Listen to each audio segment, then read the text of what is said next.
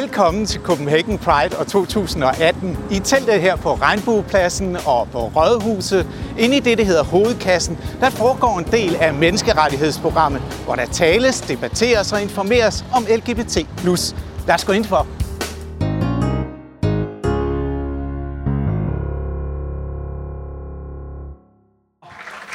Jamen, øh, velkommen til. Øh, hvor er det dejligt at se så mange, øh, der dukker op til det her arrangement. Og der, altså, jeg har styret mange forskellige arrangementer for mange forskellige publikummer, og det er altid en fornøjelse, når der bliver fyldt op helt forfra. Så det er bare super dejligt, og øh, det lover måske også meget godt for spørgelysten. Øh, til dem af jer, der ikke ved, øh, hvem jeg er, og hvorfor jeg eventuelt får lov at stå her, så er jeg en af dem, der øh, arrangerer Ungdommens Folkemøde, som kører for tredje gang i år om en måned, 6., 7. 8. september, ude i Valbyparken, og det er selvfølgelig en øh, demokratifestival, hvor LGBT plus ungdom er med, og alle ungdomspartierne. Og øh, jeg håber meget, I kigger forbi der. I dag, der skal det jo øh, handle om, eller det kan handle om rigtig mange ting, men jeg har fået lov at snævre det lidt ind, så jeg har lavet sådan en, øh, en lille trakt, hvor vi starter med øh, noget relativt bredt, og så begynder vi ellers at snævre det lidt ind og slutter øh, lidt mere specifikt. Vi skal igennem tre runder, og vi har kun en time til det, og med de her øh, otte snakkehoveder her, plus mig, så er det faktisk ikke særlig lang tid, den der time der. Men øh, de her tre emner, vi skal igennem, det er, hvordan ungdomspartierne på forskellige vis arbejder med LGBT-spørgsmålet. Øh, vi skal øh, også snakke om noget, hele samfundet handler om, nemlig økonomi. Hvordan finansierer man arbejdet med minoritetsspørgsmål?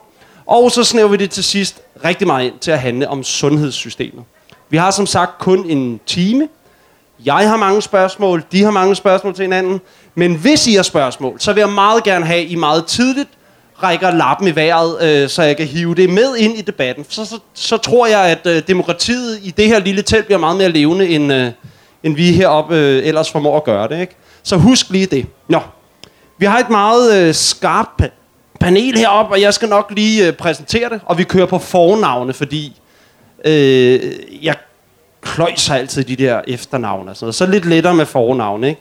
Øh, Simon fra Venstre Ungdom. Så har vi Jakob fra SF Ungdom. Så har vi Laura fra Dansk Socialdemokratisk Ungdom. Så har vi Karl fra Liberal Alliance Ungdom. Så har vi Sigrid fra øh, Radikale Venstre Ungdom. Så har vi Anders fra Konservativ Ungdom. Vi har Emilie fra Alternativet Unge. Og så har vi øh, til sidst Frederik fra Socialistisk Ungdomsfront. Giv dem lige alle sammen en hånd.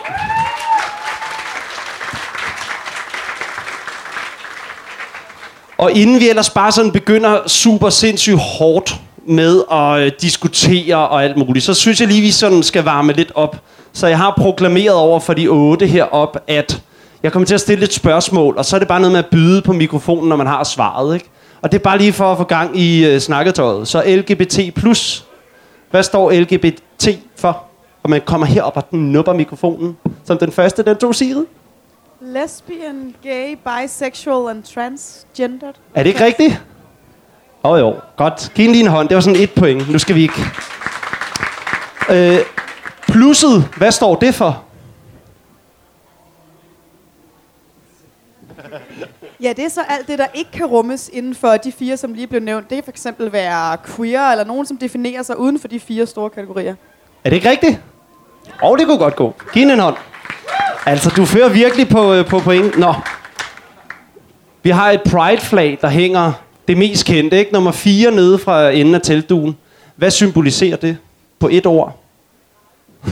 I skal virkelig skynde jer. Mangfoldighed. Ja, det er rigtigt. Giv en din hånd til, altså. Nå.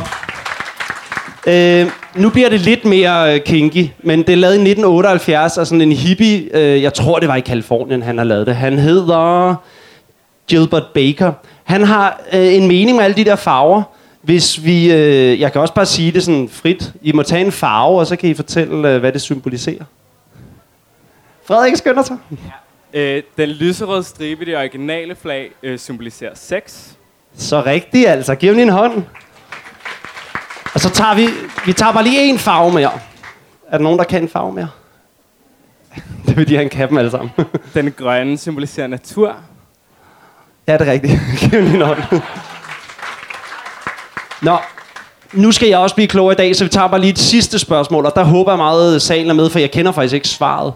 enhjørningen, den bliver rigtig tit associeret med pride. Hvad betyder, hvad symboliserer enhjørningen? Så kan man løbe herop, hvis man er øh, den, der ved det. Hvad? Ikke noget med, at enhjørning er blevet brugt til at symbolisere Jesus på et tidspunkt? Altså, I don't know. Okay. Jamen, så siger vi det. Så Laura får ret. Giv hende en hånd. Nå, ej. Det var bare lige for at komme lidt i gang. Nu skal vi selvfølgelig i gang med øh, den lidt mere hardcore debat. Jeg har sagt øh, til alle repræsentanter heroppe, at de kun har to minutter hver til at svare på det her spørgsmål. Hvordan forholder I jer i øh, jeres ungdomsparti til LGBT plus spørgsmålet? Øh, hvis I ikke gør det, så skal I selvfølgelig også svare på, hvorfor I ikke gør det. Hvis I gør det, så kan I for, forklare, hvordan I gør det. Og vi starter bare fra en ende af, så Simon, værsgo. Sure. Øhm, hvis jeg lige sådan super kort må sige, at det er rigtig, en rigtig stor fornøjelse at være her. Da jeg sådan øh, startede som politisk aktiv tilbage i 2011 engang, der skulle Folketinget lige til at stemme om, hvorvidt homoseksuelle par skulle have øh, ret til at adoptere. Det var altså i 2011. Det er altså ikke mere end syv år siden, at vi havde den diskussion med hinanden. Og siden da, der er vi kommet sindssygt langt. I har som miljø været med til at skubbe de politiske partier sindssygt langt. Som ungdomspartier, der gør vi også vores bedste. Hvis jeg skal slå ned på, hvor det er, VU arbejder med den her dagsorden, så gjorde vi et rigtig stort stykke arbejde i vores organisation, særligt nogle bestemte kræfter, for at presse på Venstre i forhold til at få fjernet transkønnethed på listen over psykiske sygdomme i Danmark. Det var en Venstre sundhedsminister, det var et Venstre medlem af Folketinget, der bar den dagsorden i rigtig lang tid, og der var vi som ungdomsparti helt inde tæt på. Øhm, det er sådan et sted, hvor man kan slå ned, hvor vi har arbejdet særlig meget med det her. Øh, og så tror jeg egentlig, jeg vil lade debatten folde sig ud derfra. Wow, kun på et minut. Det var flot, Simon. I har to minutter. Jakob fra SF Ungdom. Ja, goddag. Mit navn det er Jakob og øh, jeg er forperson for SF Ungdom. Øh, jeg har været med i cirka syv år, og øh, det er rigtig dejligt at være med i dag. Og jeg glæder mig rigtig meget til at diskutere de her ting med også, fordi det ikke er et emne, jeg synes, vi beskæftiger os særlig meget med i ungdomspolitik, når vi ikke har Pride. Og derfor synes jeg selvfølgelig, det er rigtig fedt, at vi kan være med her i dag. Vi har ikke øh, noget konkret politik i vores principprogram, så derfor står der heller ikke noget om LGBT-dagsordenen i vores principprogram. Men vi beskriver, at vi ønsker en øh, demokratisk debat, hvor at køn, etnicitet og alder ikke skal spille nogen rolle. Og derfor er den her dagsorden selvfølgelig også en del af vores grundlæggende princip om, at alle mennesker skal have ret og frihed til at bestemme over sin egen krop. Og, der, og det er jo det, der udspringer sig i den LGBT-politik, LGBT plus politik, vi har i SFU. Fordi folk de skal have lov til at være den, de har lyst til. Og folk skal have lov til, via staten, at få lov til netop det her med, at man kan udspringe sin egen identitet. Øh, og det begrænser vi faktisk folk i i dag, når man ikke har lov til at være den person, man gerne vil selv. Og der, det er i hvert fald den kamp, som vi i SF og SFU øh, kæmper for at, at få ind på banen netop, at man får lov til at være lige nøjagtig den, man har lyst til at være i, i Danmark og resten af verden. Og det er ud fra det mangfoldighedsprincip, vi arbejder fra. Tak. Altså, man må godt klappe, hvis man er sådan helt øh, begejstret. Laura, Dansk Socialdemokratisk Ungdom. Yes. Jamen, jeg hedder som sagt Laura Hosenving, og jeg kommer fra Dansk Socialdemokratisk Ungdom. Derudover så sidder jeg også inde på Rådhuset derinde og prøver at føre kommunalpolitik og LGBT-politik sammen. Det kan man nemlig også godt. Men lad os snakke lidt om landspolitik, for det er jo også det, vi meget beskæftiger os med i DSU. Og øh, lad mig bare sige det, som det er i DSU. Så synes vi faktisk, vi er blevet lidt sløve. Det kan godt være, at vi har været forgangsland i mange år. Vi har fået hvilser i folkekirken. Vi var nogle af de første, der fik taget transkønnethed af listen. Men når man ser på det nu, og når man ser på, hvor bagud vi er i forhold til psykiske lidelser, i forhold til alkoholforbrug, i forhold til stofmisbrug, i vores LGBT-miljø, så må jeg bare sige én ting. Det er ikke godt nok. Og det forholder DSU sig rigtig, rigtig kritisk til. Og jeg regner der med, at når regeringsmagten skifter, så bliver der gjort noget ordentligt. Og jeg regner der med, at vi starter, vi små. Jeg tror, at, øh, og det gør vi i DSU, der tror vi på, at noget af det, der er vejen frem, det er seksualundervisningen. Det er at lære vores børn, det er okay at være, hvem du er. Det er at lære vores børn om forskellige familieformer. Det er at lære vores lærere, hvordan man behandler børn, der måske kan være lidt anderledes i deres øjne. Det tror jeg er en af de vigtigste kampe, vi kommer til at tage. Jeg tror, det er rigtig, rigtig vigtigt, at vi gør det obligatorisk, at vores lærere skal undervises i alle de her ting, jeg har snakket om. Og det er en af de kampe, som jeg glæder mig til at presse partiet på også. Og det er jo det, vi gør i DSU. Vi presser partiet, som forhåbentlig har en regeringsmagt, Og den måde får vi ting igennem. Tak. Karl, Liberal Alliance Ungdom. Ja, først og fremmest tusind tak for, for invitationen. Det er faktisk min allerførste Pride, jeg er til, fordi jeg er lige flyttet til København fra det jyske af, så det er en, en stor fornøjelse at være til stede og se den mangfoldighed, som der er. Som øh, liberal, der går man ind for, at der er højt til loftet og sætte individet før kollektivet. Derfor har Liberale Alliance Ungdom og Liberale Alliance også altid arbejdet for at give alle mennesker lige rettigheder. Fordi vi er alle sammen forskellige, men vi har alle sammen de samme rettigheder. Vi har arbejdet for, at øh, man skal kunne blive giftet i, øh, i kirken, uanset hvilket køn man har. Vi har altid arbejdet for, at man skal kunne adoptere øh, et barn, uanset hvilken seksualitet man har. Og så har vi også i Liberale Alliances Ungdom arbejdet meget på at fjerne det her meget strikse forbud, der er for, at homoseksuelle ikke kan donere blod. Der har vi faktisk endda kørt nogle kampagner på online.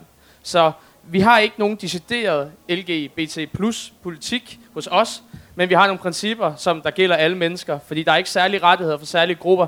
Vi er alle sammen mennesker i den her verden. Tak, Karl. Sigrid, Radikale Venstre Ungdom. Tak for ordet, og tak for invitationen. Det er dejligt at være her, og jeg håber, vi får mulighed for både at snakke om de principielle spørgsmål, der kan være øh, her til Pride'en, og også om nogle af de praktiske politiske problemstillinger, vi står overfor. I Radikal Ungdom, der har vi et principprogram, program, som har et, det allerførste afsnit hedder Det frie menneske. Og her der slår vi fast, at i det moderne samfund, der skal det være fornuften, der modsat kultur, etnicitet, religion, køn eller seksualitet, danner fælles grundlag for forståelse mellem mennesker. Så vi tror på, at man er først og fremmest individ, før man er noget som helst andet, og det er det, der er det principielle grundlag for den måde, vi gerne vil føre politik på. Vores næste afsnit i principprogrammet, det hedder Det mulighedsgivende samfund. Det handler om, at vi mener, det er samfundets opgave at give de her frie individer de allerbedste udfoldelsesmuligheder, de allerbedste rammer for at udleve deres drømme og deres potentiale på bedste vis. Det betyder også, at man skal tage hånd om de minoriteter, der ikke lige ligner resten. Og det synes jeg er enormt vigtigt at gribe fat i. Når man så ser på, hvad vi gør vores principper til i virkelighed, så har vi det sidste år haft et tema, ned, tema nedsat udvalg, queerudvalget, som har arbejdet med, hvad er det for nogle store spørgsmål, der rykker sig. Og noget af det, som jeg synes har været allermest interessant at debattere øh, fra et ungradikalt perspektiv, det har været spørgsmålet om regnbuefamilier. Har vi et øh, juridisk system, der i dag er alt for snævert, sådan så at der maks kan være to personer, der har forældremyndighed over et barn? Det betyder, at hvis man nu er to lesbiske øh, kvinder, som har øh, danner en regnbuefamilie med, med to homoseksuelle mænd, jamen så er der altså kun to af parterne, der har rettigheder i tilfælde af, at regnbuefamilien går i stykker og falder fra hinanden. Det kan være ret til samvær med barnet, eller ret til barns sygedage. Nogle af de her spørgsmål, hvor man kan sige, at juraen og byråkratiet ikke er fuldt med virkelighedens udvikling. Det synes jeg er enormt interessant og relevant at tage fat på, nu hvor vi har fået sikret øh, hvielser for to personer af samme køn, og vi har fået sikret homoseksuelles øh, rettigheder til adoption. Bloddonation er også et, øh, et andet interessant emne, jeg håber, vi kommer til at debattere mere i dag. Tak. Sigrid. Anders, konservativ ungdom. Værsgo. Ja, øh, jeg vil ønske, at jeg kunne stå her og så konkurrere sammen med mange af de folk, der står her i forhold til at komme med de bedste forslag. Men det er desværre ikke der, hvor konservativ ungdom er. Øh, vi har ikke umiddelbart nogen politik i forhold til homoseksuelle. Mange af vores homoseksuelle medlemmer, de ser måske tværtimod sig selv som værende i direkte modstrid med LGBT-miljøet, som man nogle gange føler måske fremstiller deres seksualitet på en stereotyp måde. Det synes jeg er synd, fordi jeg mener ikke, at en seksualitet, det som sådan er, et, er en politisk kampplads, og det burde være en kamp, som vi kæmper sammen. Men desværre er der rigtig, rigtig mange KU-medlemmer, som ser det som værende et politisk spørgsmål, hvor venstrefløjen har patent på det. Derfor har vi ikke nogen politik i forhold til det. Det synes jeg er et kæmpestort problem. For eksempel, fordi vi stadigvæk oplever diskrimination, også i nattelivet. I forhold til transkønnet, der hænger konservativ ungdom i bremsen. Vi er ikke tilhængere af det juridiske kønsskifte. Det mener jeg også er et problem, og det er en debat, som der bliver taget hvert år på vores landsråd, hvor der er meget, meget, meget stor uenighed. Så jeg vil ønske, at jeg kunne stå her og komme med en masse positive slagord. Jeg vil ønske, at jeg kunne stå her og sige en masse positive ting. Men det er stadigvæk en debat, der foregår i konservativ ungdom. Så jeg kan ikke sige andet end, at det er situationen, og det er konservativ ungdomspolitik. Tak for at være ærlig, Anders. Emilie, Alternativ Unge. Ja. Øhm, det forholder sig faktisk sådan, at vi i Alternativets Unge slet ikke har nogen politik. Og på nogen som helst områder. Og det er fordi, at vi skaber al vores politik sammen med Alternativet og sammen med de folk, som politikken rent faktisk betyder noget for. Og det betyder også på nuværende tidspunkt, at vi ikke har udarbejdet nogen specifik politik på det her område. Vi har kun en ligestillings- og mangfoldighedspolitik, som selvfølgelig også dækker det her område, men vi, vi, vi vil jo meget gerne have noget, som rammer lidt mere specifikt og direkte.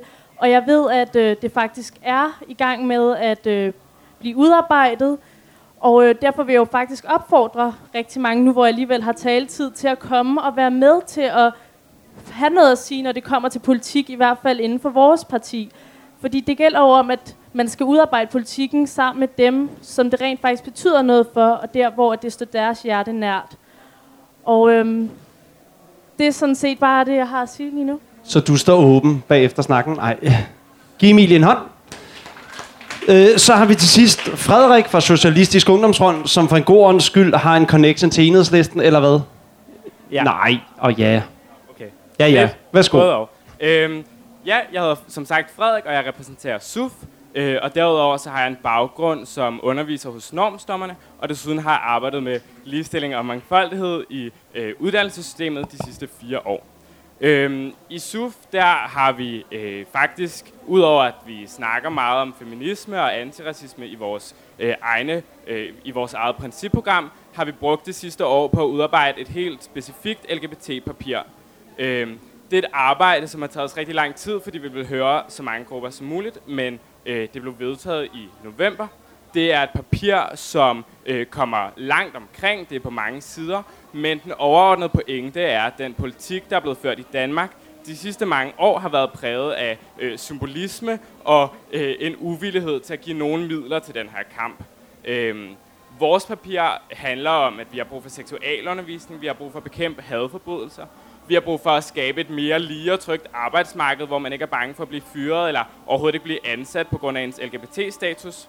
Det er et papir, der handler om, at man i øh, homokampens navn har ført krige øh, i Mellemøsten med øh, menneskerettigheder som undskyldning. Det er et papir, som også øh, handler om, hvordan vi er for dårlige til at tage imod LGBT-flygtninge i Danmark, og meget, meget mere. Øhm, Udover det, så har vi et selvstændigt queer-udvalg i SUF, som samarbejder som samarbejder med øh, vores ligestillingssekretariat på Christiansborg i Enhedslisten, og som samarbejder med Enhedslistens eget queervalg. I løbet af den her uge arrangerer vi sammen med Enhedslistens queervalg øh, fire arrangementer omhandlende det her, men vi bruger også meget tid på det. Øh, Udover det, øh, det tror jeg var det, jeg havde at sige. Tak. Vi beskæftiger os med det. Godt. Og øhm, jeg har faktisk lige brug for hjælp fra dig, Karl. Fordi du står i midten. Du skal lige fortælle, hvad et principprogram er. Bare for dem, der ikke ved det. Jamen, det er jo lidt forskelligt, hvordan partierne er opbygget, men overordnet set tror jeg, jeg kan sige, at et øh, principprogram, det er sådan de, det er sådan vores partiers grundlov på en eller anden måde. Det er sådan de overordnede principper, hvorfra at man agerer ud fra. Øh, man kan sige, et princip for en liberal kunne være, at man Så, øh, ikke stop. beskatter. ja, et godt eksempel. Ja. Hvor lang er sådan et principprogram, Sigrid? Bare lige som et eksempel. Jamen, vi har for nylig forkortet vores, fordi vi synes, det var så langt, at der ikke var nogen, der kunne huske, hvad der stod i det. Så vi er lige gået fra, jeg tror, det var fra 8 til 4 sider. Okay, 8 til 4 sider. Så har I sådan et, et øh, omfangsbillede af, hvad det er. Nu skal jeg bare lige have sådan en håndsoprækning her. Hvor mange øh, af jer, bare lige for at opsummere, det er helt simple spørgsmål, hvor mange af jer har LGBT plus spørgsmål rettet i jeres principprogram? Hånden op. Bare behandler det, ikke som selvstændigt punkt, men bare har det, øh, og en, altså, som har nogen, der handler om det. Ja, selvfølgelig siger I alle sammen ja. Hvor mange af jer, øh, er, er, altså jeres parti eller moderpartiet, faderpartiet, hvad vi nu skal kalde det, er med i Pride'en på lørdag? Tror Karl, du er lige kommet til byen. Det er fint nok. Nå. Men som I kunne se, så var der nogen, der var sådan lidt vævende på det her spørgsmål, om det er i principprogrammet. Jeg har orienteret mig Anders, han var egentlig meget konsekvent med at have det med, men Simon, du var også sådan lidt... Kan du prøve at uddybe, hvorfor I ikke har det som et selvstændigt punkt, når I er med i Pride'en? Er det så ikke, som du siger, en lidt billig købt omgang? Og Men det tror jeg egentlig ikke, jeg synes, det er, fordi det, der er hele grundessensen i at have en liberal indstilling til verden, det det er jo for fanden, at vi ikke har behov for at putte særlig mange politiske markader på folk. Altså, det er jo, det er jo ikke et spørgsmål om, at øh, folk øh, tilhørende en eller anden bestemt minoritetsgruppe skal have de samme rettigheder som resten af os. Det er et spørgsmål om, at vi alle sammen, uanset hvem vi er, hvad vi mener, hvad vi siger, hvad vi tænker, hvad vi føler, hvem vi elsker, skal have de samme rettigheder til at ytre os frit, til at leve frit og skal være fri fra diskrimination fra staten.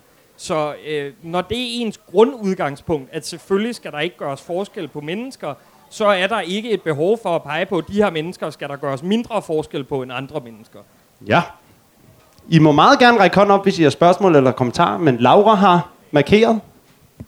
Nej, altså det er jo ikke fordi, jeg er grundlæggende uenig om, at LGBT-politik skal være nuanceret i alt, vi skriver og alt, vi laver, og vi ikke skal forskelsbehandle. Men jeg synes, man har brug for nogle konkrete løsninger på det her område. Når man har en gruppe, når man har en gruppe, hvor jeg, som jeg startede med at sige, har højere grad af psykiske lidelser, man har flere alkoholproblemer, man, altså generelt går det rigtig, rigtig meget ned ad bakke.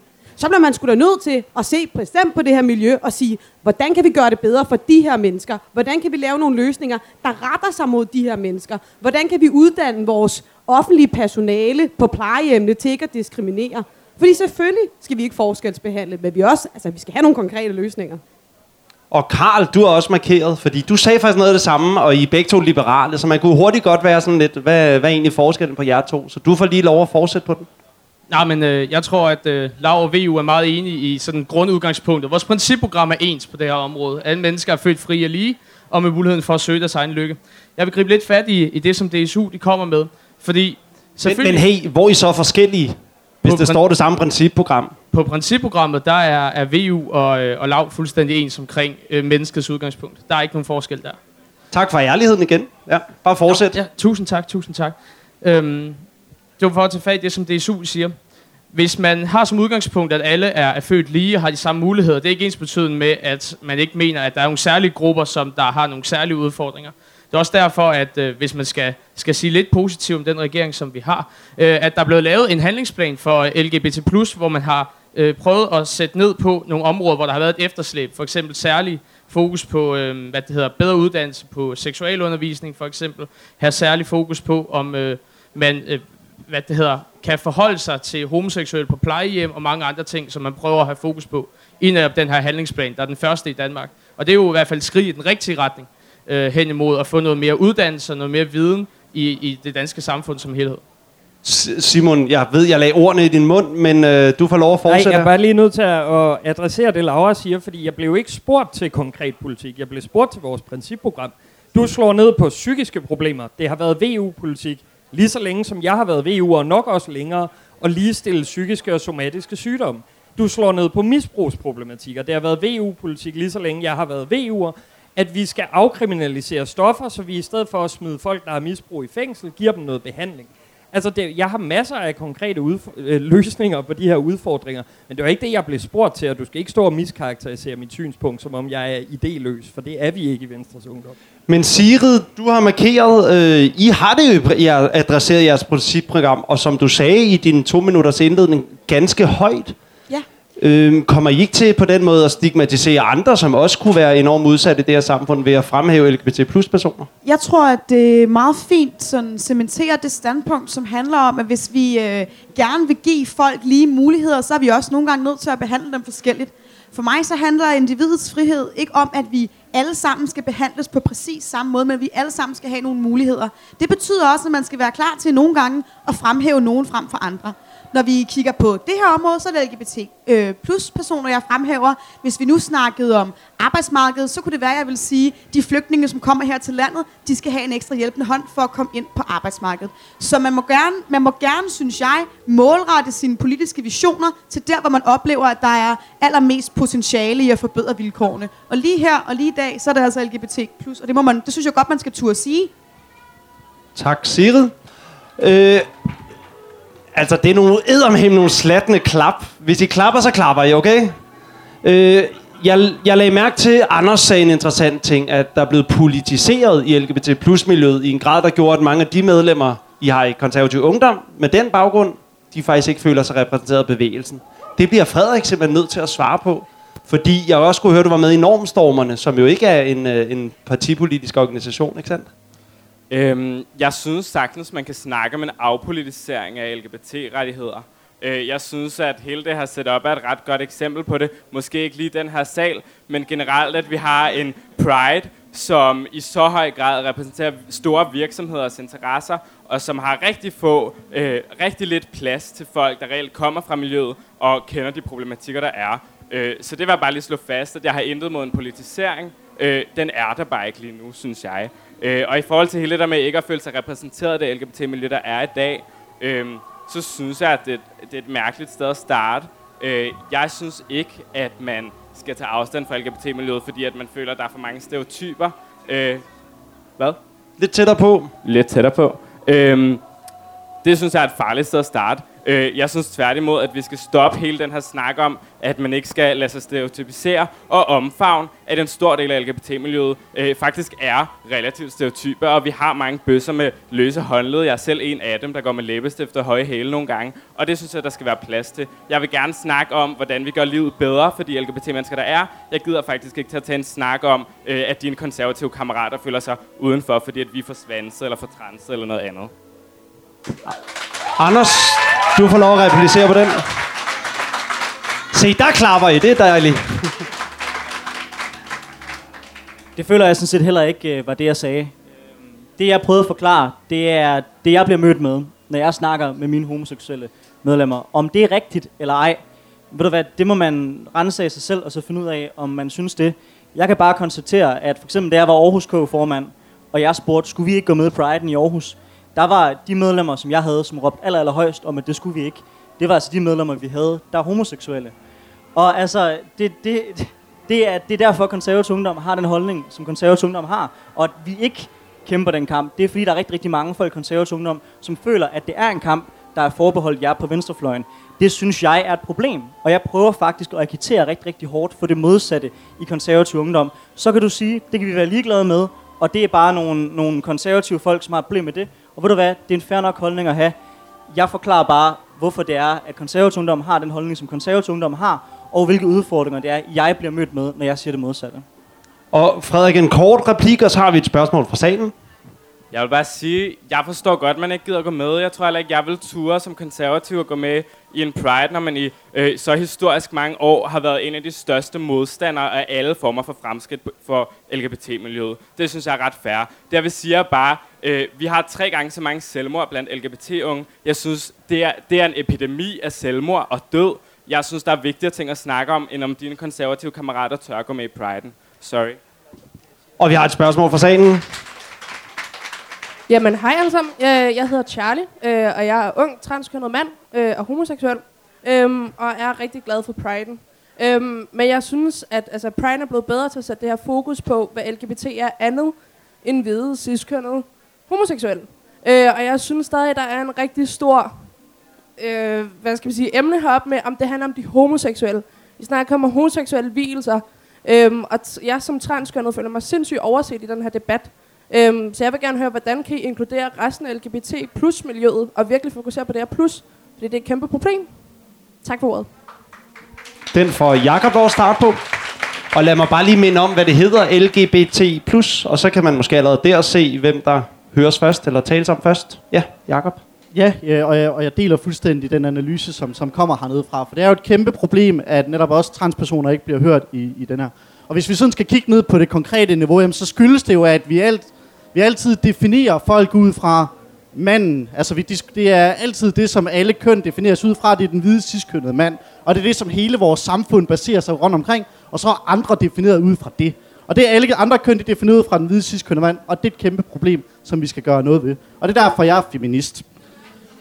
Når vi så øh, kigger på øh, når vi så kigger på det her med transpersoner, undskyld, så synes jeg netop, at der er nogle særlige ting, jeg synes, vi skal prøve at kigge på, på det område. Den ene del, det er selvfølgelig, at man allerede som ung skal have lov til at få lov til at skifte CPR-nummer, så få den her juridiske øh, kønsskifte, eller kønsskifte.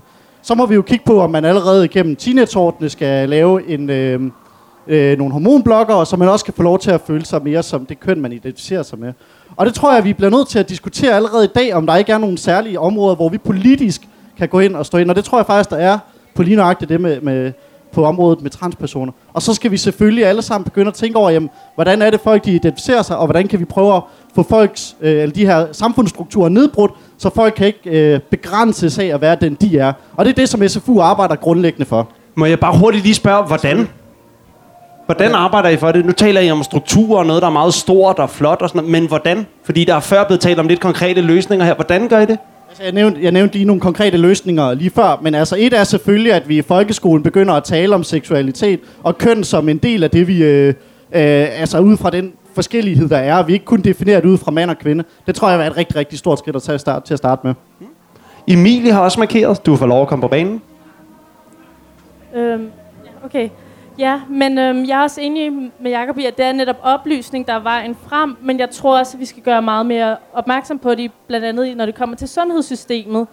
At øh, det handler meget om, at man skal blive mødt med mere sympati, end der er nu, og også med en større forståelse, og når så kønsskift endelig skal være der, så skal det ikke være på nogen andres princip end den person, der skal, skal skifte, hvis man, det er det, man vil. Også når det kommer til CPR-nummerne, så har jeg aldrig forstået det der med, at hvorfor er du det ene eller det andet tal, når du kommer til køn.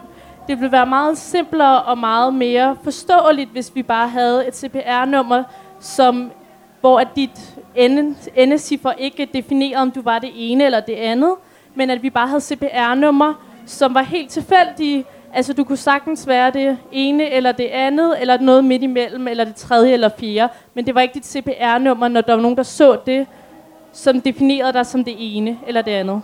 Laura, en kort bemærkning. Fedt spørgsmål. Øhm, det går, skal det bare være det? Nej, nej. Hvad hedder det? Øhm, jeg tror også på mange måder, det handler meget mere om at snakke om normer. Så vi ikke snakker bare om homoinklusion eller transinklusion. Jeg tror, vi skal snakke om, om generel inklusion. Jeg tror, vi skal snakke om, at vi skal blive bedre i hele, også som der bliver snakket om herover sundhedssystemet, til ikke at lave de overgreb, der sker lige nu, for der sker fan overgreb. Men så tror jeg også, at jeg gerne vil lave en lille stikpille, fordi der er jo også nogen, der har siddet og glødet sig med, at man har lavet en handlingsplan, og det er også rigtig, rigtig fint meget af det. Fedt, der er blevet taget et skridt. Men så kan jeg godt tænke mig at høre, man har jo snakket om, om for eksempel kønsskifte hos børn. Og det står der i handlingsplanen, men hvorfor gør man så ikke noget ved det?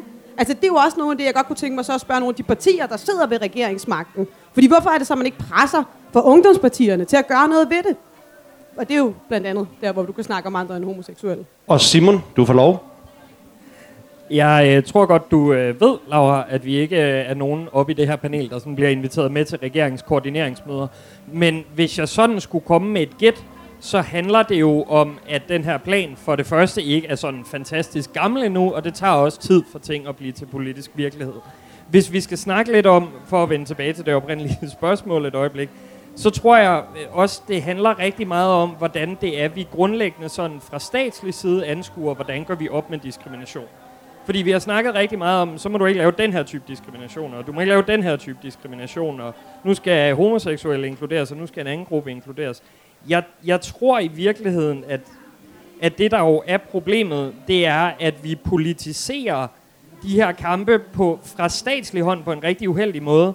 Altså, så snakker man om, jamen, øh, man har nok det der øh, monster, som er seksologisk klinik, og de der dybt ydmygende spørgeskemaer, som er blevet dækket så alt rigeligt i pressen, er jo nok oprindeligt kommet ud af en progressiv god intention om, at nu skulle staten altså sikre, at der var medicinsk rådgivning og adgang til kønsskifte for alle dem, der nu havde lyst til det. Men det er jo blevet et monster. Altså, det er jo, det er jo nogle frygtelige ting, der bliver rapporteret om derindefra i forhold til de spørgsmål, man bliver stillet. Og jeg tror bare, hvis vi skal kigge på, hvordan vi får flere grupper med, så handler det om at holde op med at tænke i grupper, og handler om at begynde at tænke, at alle mennesker har ret til at definere deres egen identitet i sundhedsvæsenet, i forhold til staten, uanset om det er på deres seksualitet eller det er deres køn.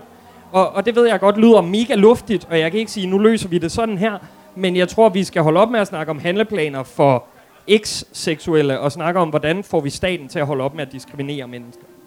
Og vi har et spørgsmål fra salen. Ja, øh, sådan. Øh, jeg vil gerne øh, stille et spørgsmål øh, til Karl øh, først, og så tænker jeg, at der er sikkert også nogle andre, der har lyst til at, at svare på det bagefter.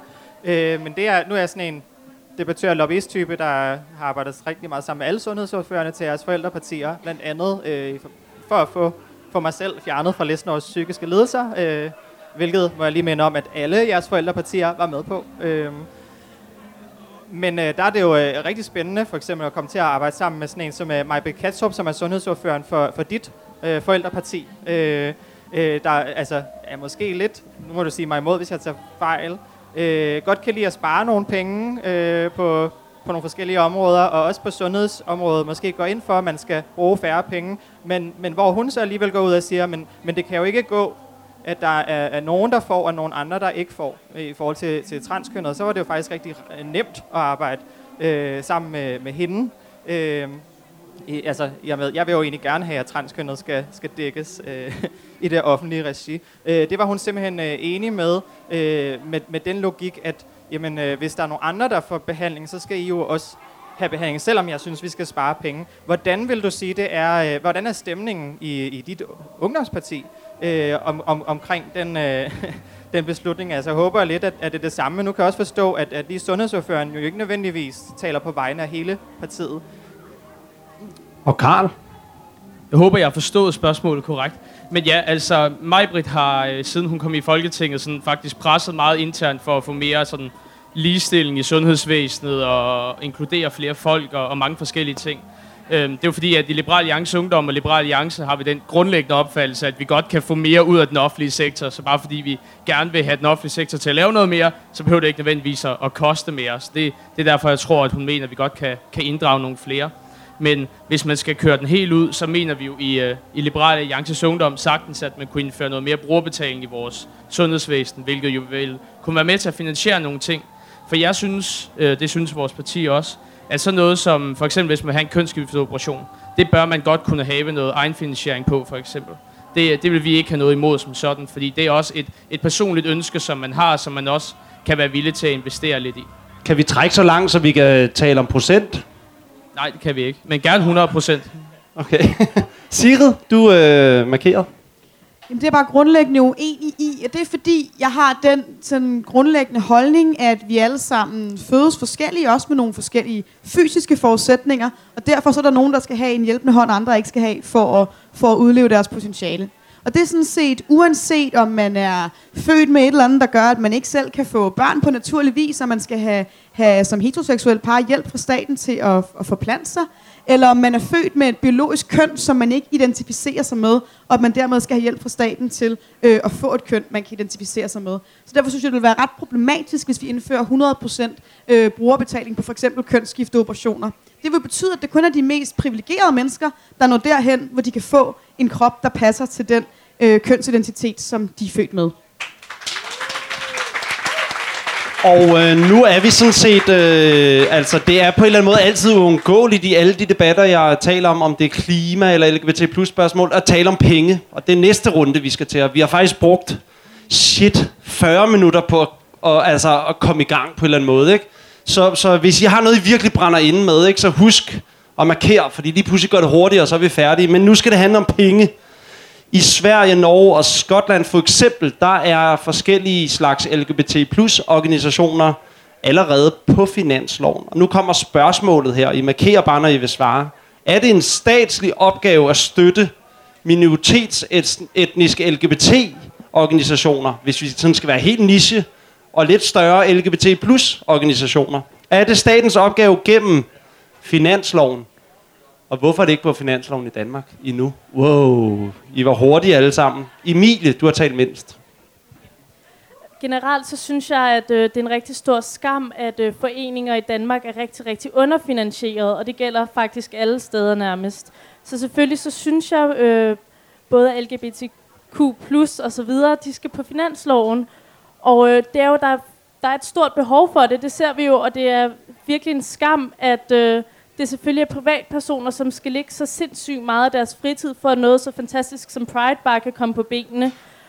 Så det tror jeg faktisk, det vil både være en øh, kæmpe rækkende hånd ud til, og også klasse på skulderen for alt det hårde arbejde, der bliver lagt i det her.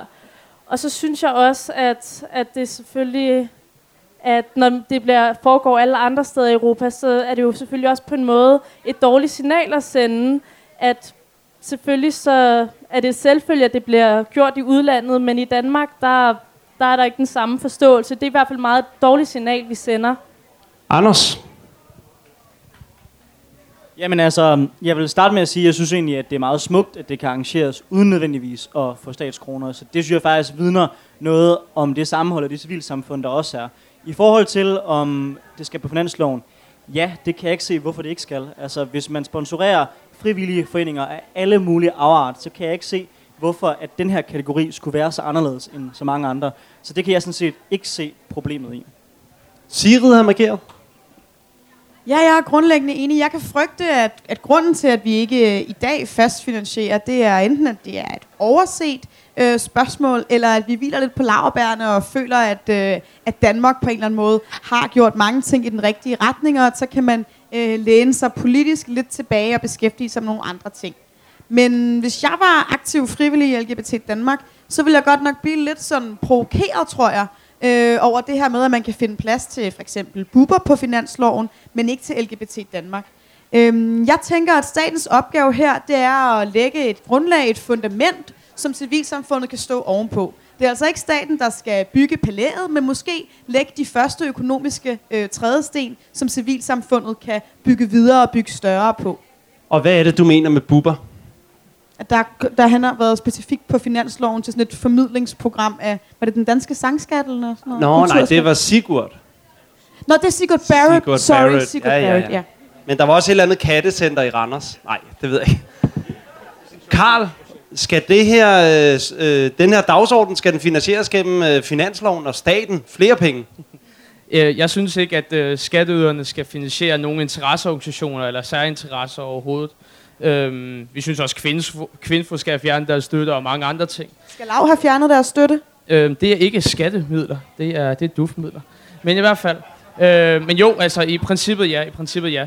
Men hvis vi kan holde os til, til emnet. Øh, nej, jeg synes ikke, at det skal på finansloven. Jeg synes, det er rigtig flot, som øh, Storgård også siger, at man kan holde sig noget her med private sponsorer. Man skal også huske på, at hvis man får det på finansloven først, så, så er man også meget mere afhængig af de politikere, der er inde på Christiansborg. Man er ikke lige så fri, som man er, når man står som, øh, som selvstændig organisation uden øh, så meget offentlig støtte. Så skal man til at passe på, hvad det er, man siger, hvem der nu har regeringsmagten, for det er dem, som der sørger for at få pengene på finansloven. Så man er meget mere fri, hvis man er uafhængig af en, øh, et statsligt apparat, som der skal finansiere det, som man laver. Der, hvor staten kan gå ind og finansiere noget mere, det er jo for eksempel at sikre bedre seksualundervisning, sikre bedre eller flere penge til forskning i områder, som der også kan gavne øh, organisationer som jeres. Det er steder, hvor fællesskabet godt kan gå ind. Men at gå ind og sige, at specifikke særinteresser skal på finansloven, det synes jeg er en meget farlig vej at gå, og det er en vej, som vi skal væk fra.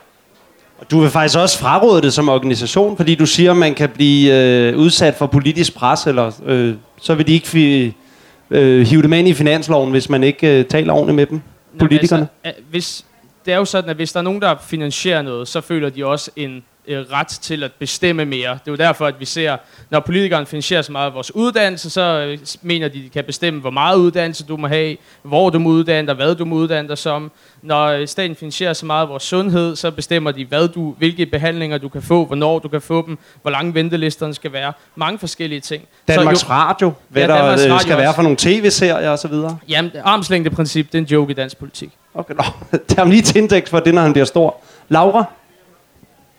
Er ikke så overraskende ret uenig.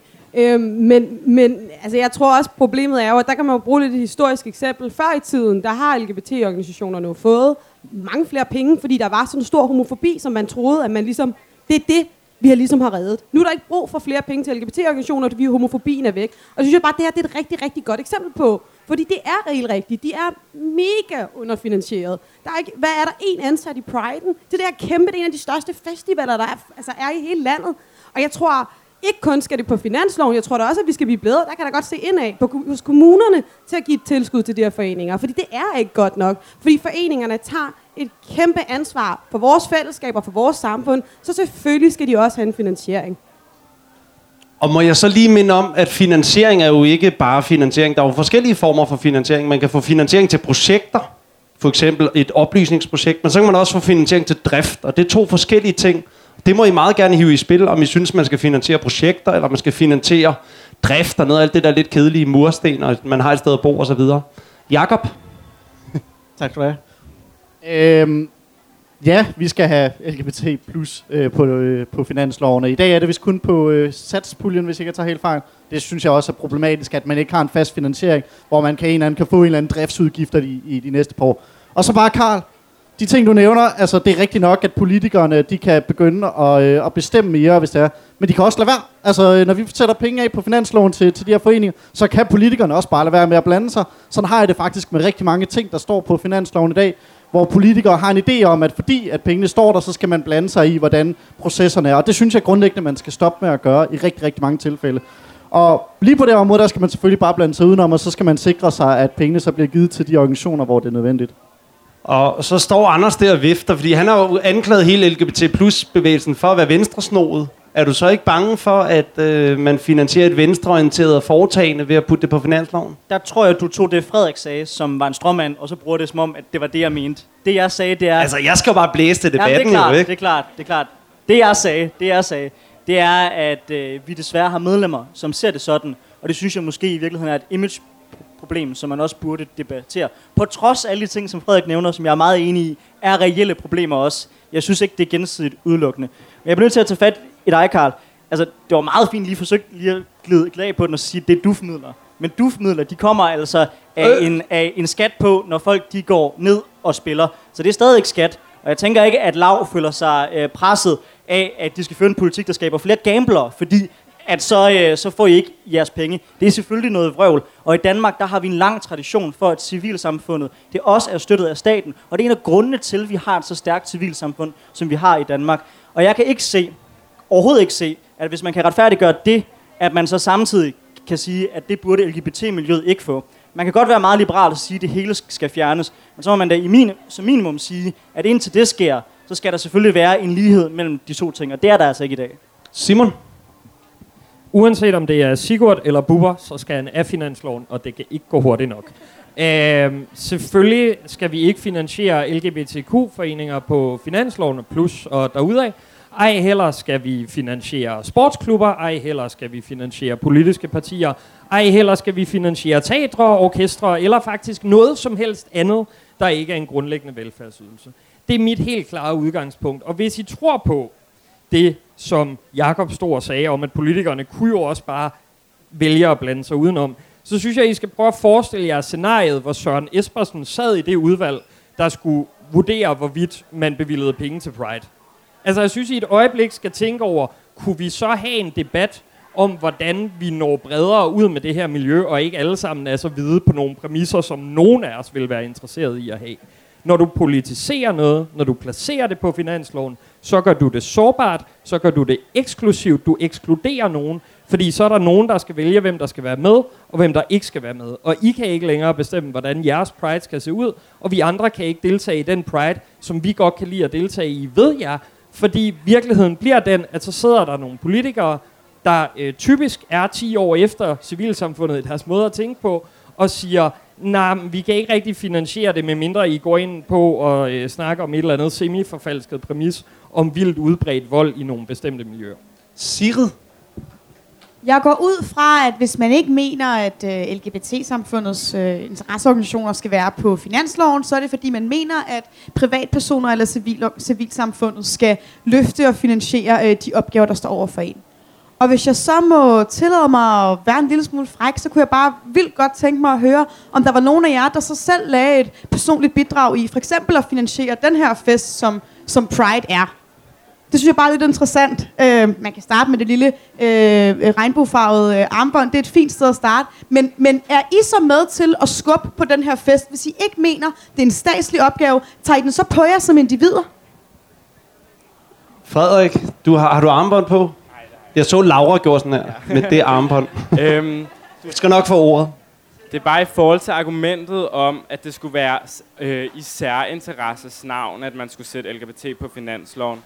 Øhm, vi har en gruppe, som har det rigtig dårligt i det her samfund, som er overrepræsenteret i psykiatrien, i selvmordsstati- selvmordsstatistikkerne, i, øh, i, hvad hedder det, i blandt hjemløse og blandt arbejdsløse. Det er folk, der be- i højere grad begår skade på sig selv og bliver udsat for vold og mobning. Jeg synes, det er vores samfunds ansvar at sørge for, at den her gruppe mennesker har det, så, har det godt. Det synes jeg ikke er en særinteresse på samme måde, som jeg ikke synes, at bidrag til kraftbehandling er en særinteresse det er i vores allesammens interesse, at alle i deres samfund har det godt og trygt og lever gode liv. Øh, jeg synes, man skal passe meget på med at kalde øh, os øh, fra LGBT-miljøet for særinteresser. Laura?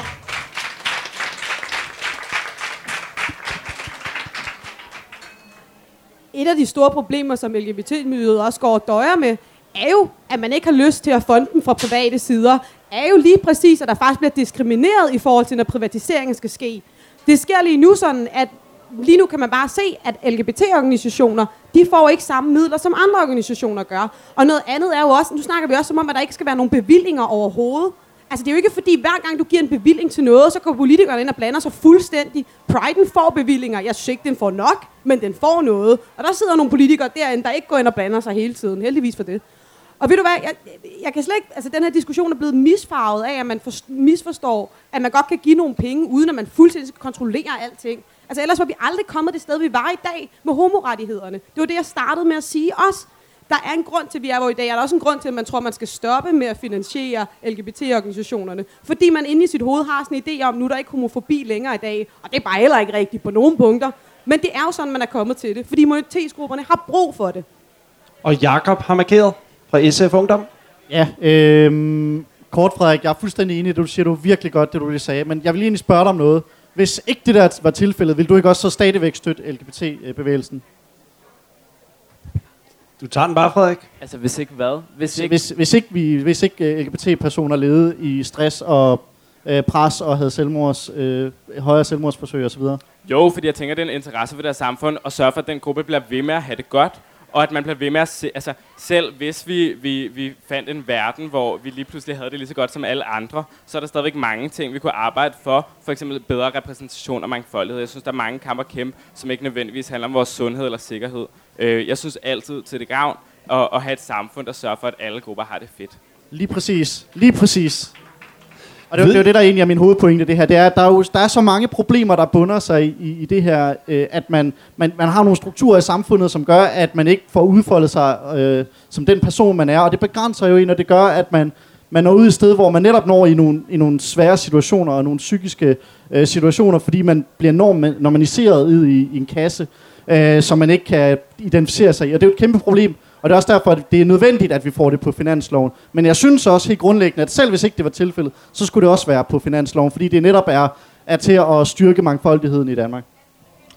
Og ved I hvad? Det bliver faktisk det sidste ord fra panelet nu mindre. Altså, vi skal lige nå ind om sundhedssystemet, og det bliver ekstremt kort, for vi har ikke særlig lang tid. Så det bliver en meget konkret og jordnært, og, eller meget konkret spørgsmål. Homomænd må i dag ikke donere blod. Er der nogen af jer, der har nogle gode argumenter for, at de ikke må det? Så, så synes jeg sådan set bare, at Karl havde lidt et, Frederik havde lidt et, og I får lov lynhurtigt at sige noget. Vi har kørt en kampagne på, at det skal være lovligt at gøre det, men jeg kan forstå, at en af begrundelserne er, at der kan være en større risiko for, øh, for HIV og andre ting, men der kan man vel bare lave nogle, nogle øh, der, man kan jo sagtens have kontroller inde, øh, så hvis du er en sund og rask person, uanset din seksualitet, kan jo donere blod. Så nej, der, jeg kan ikke se, at der er nogen argumenter for at have et forbud, hvis man kan have øh, de sikkerhedsforanstaltninger selvfølgelig. Nej, så du svarede sådan set, nej, der er ikke nogen gode argumenter. Emilie, du får også helt lov.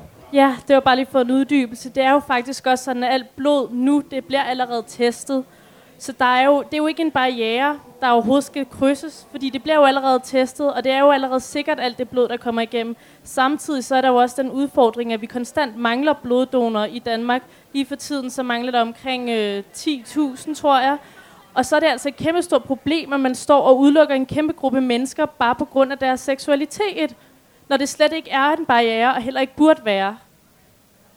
Og Frederik, du får lige lov lynhurtigt at slutte af. Øhm, ja, altså selvfølgelig er vi klar over, at det, at homoseksuelle mænd ikke må donere blod, hvis de har haft sex med andre mænd, øh, er et resultat af, af, af lang tids homofobi over for homoseksuelle mænd.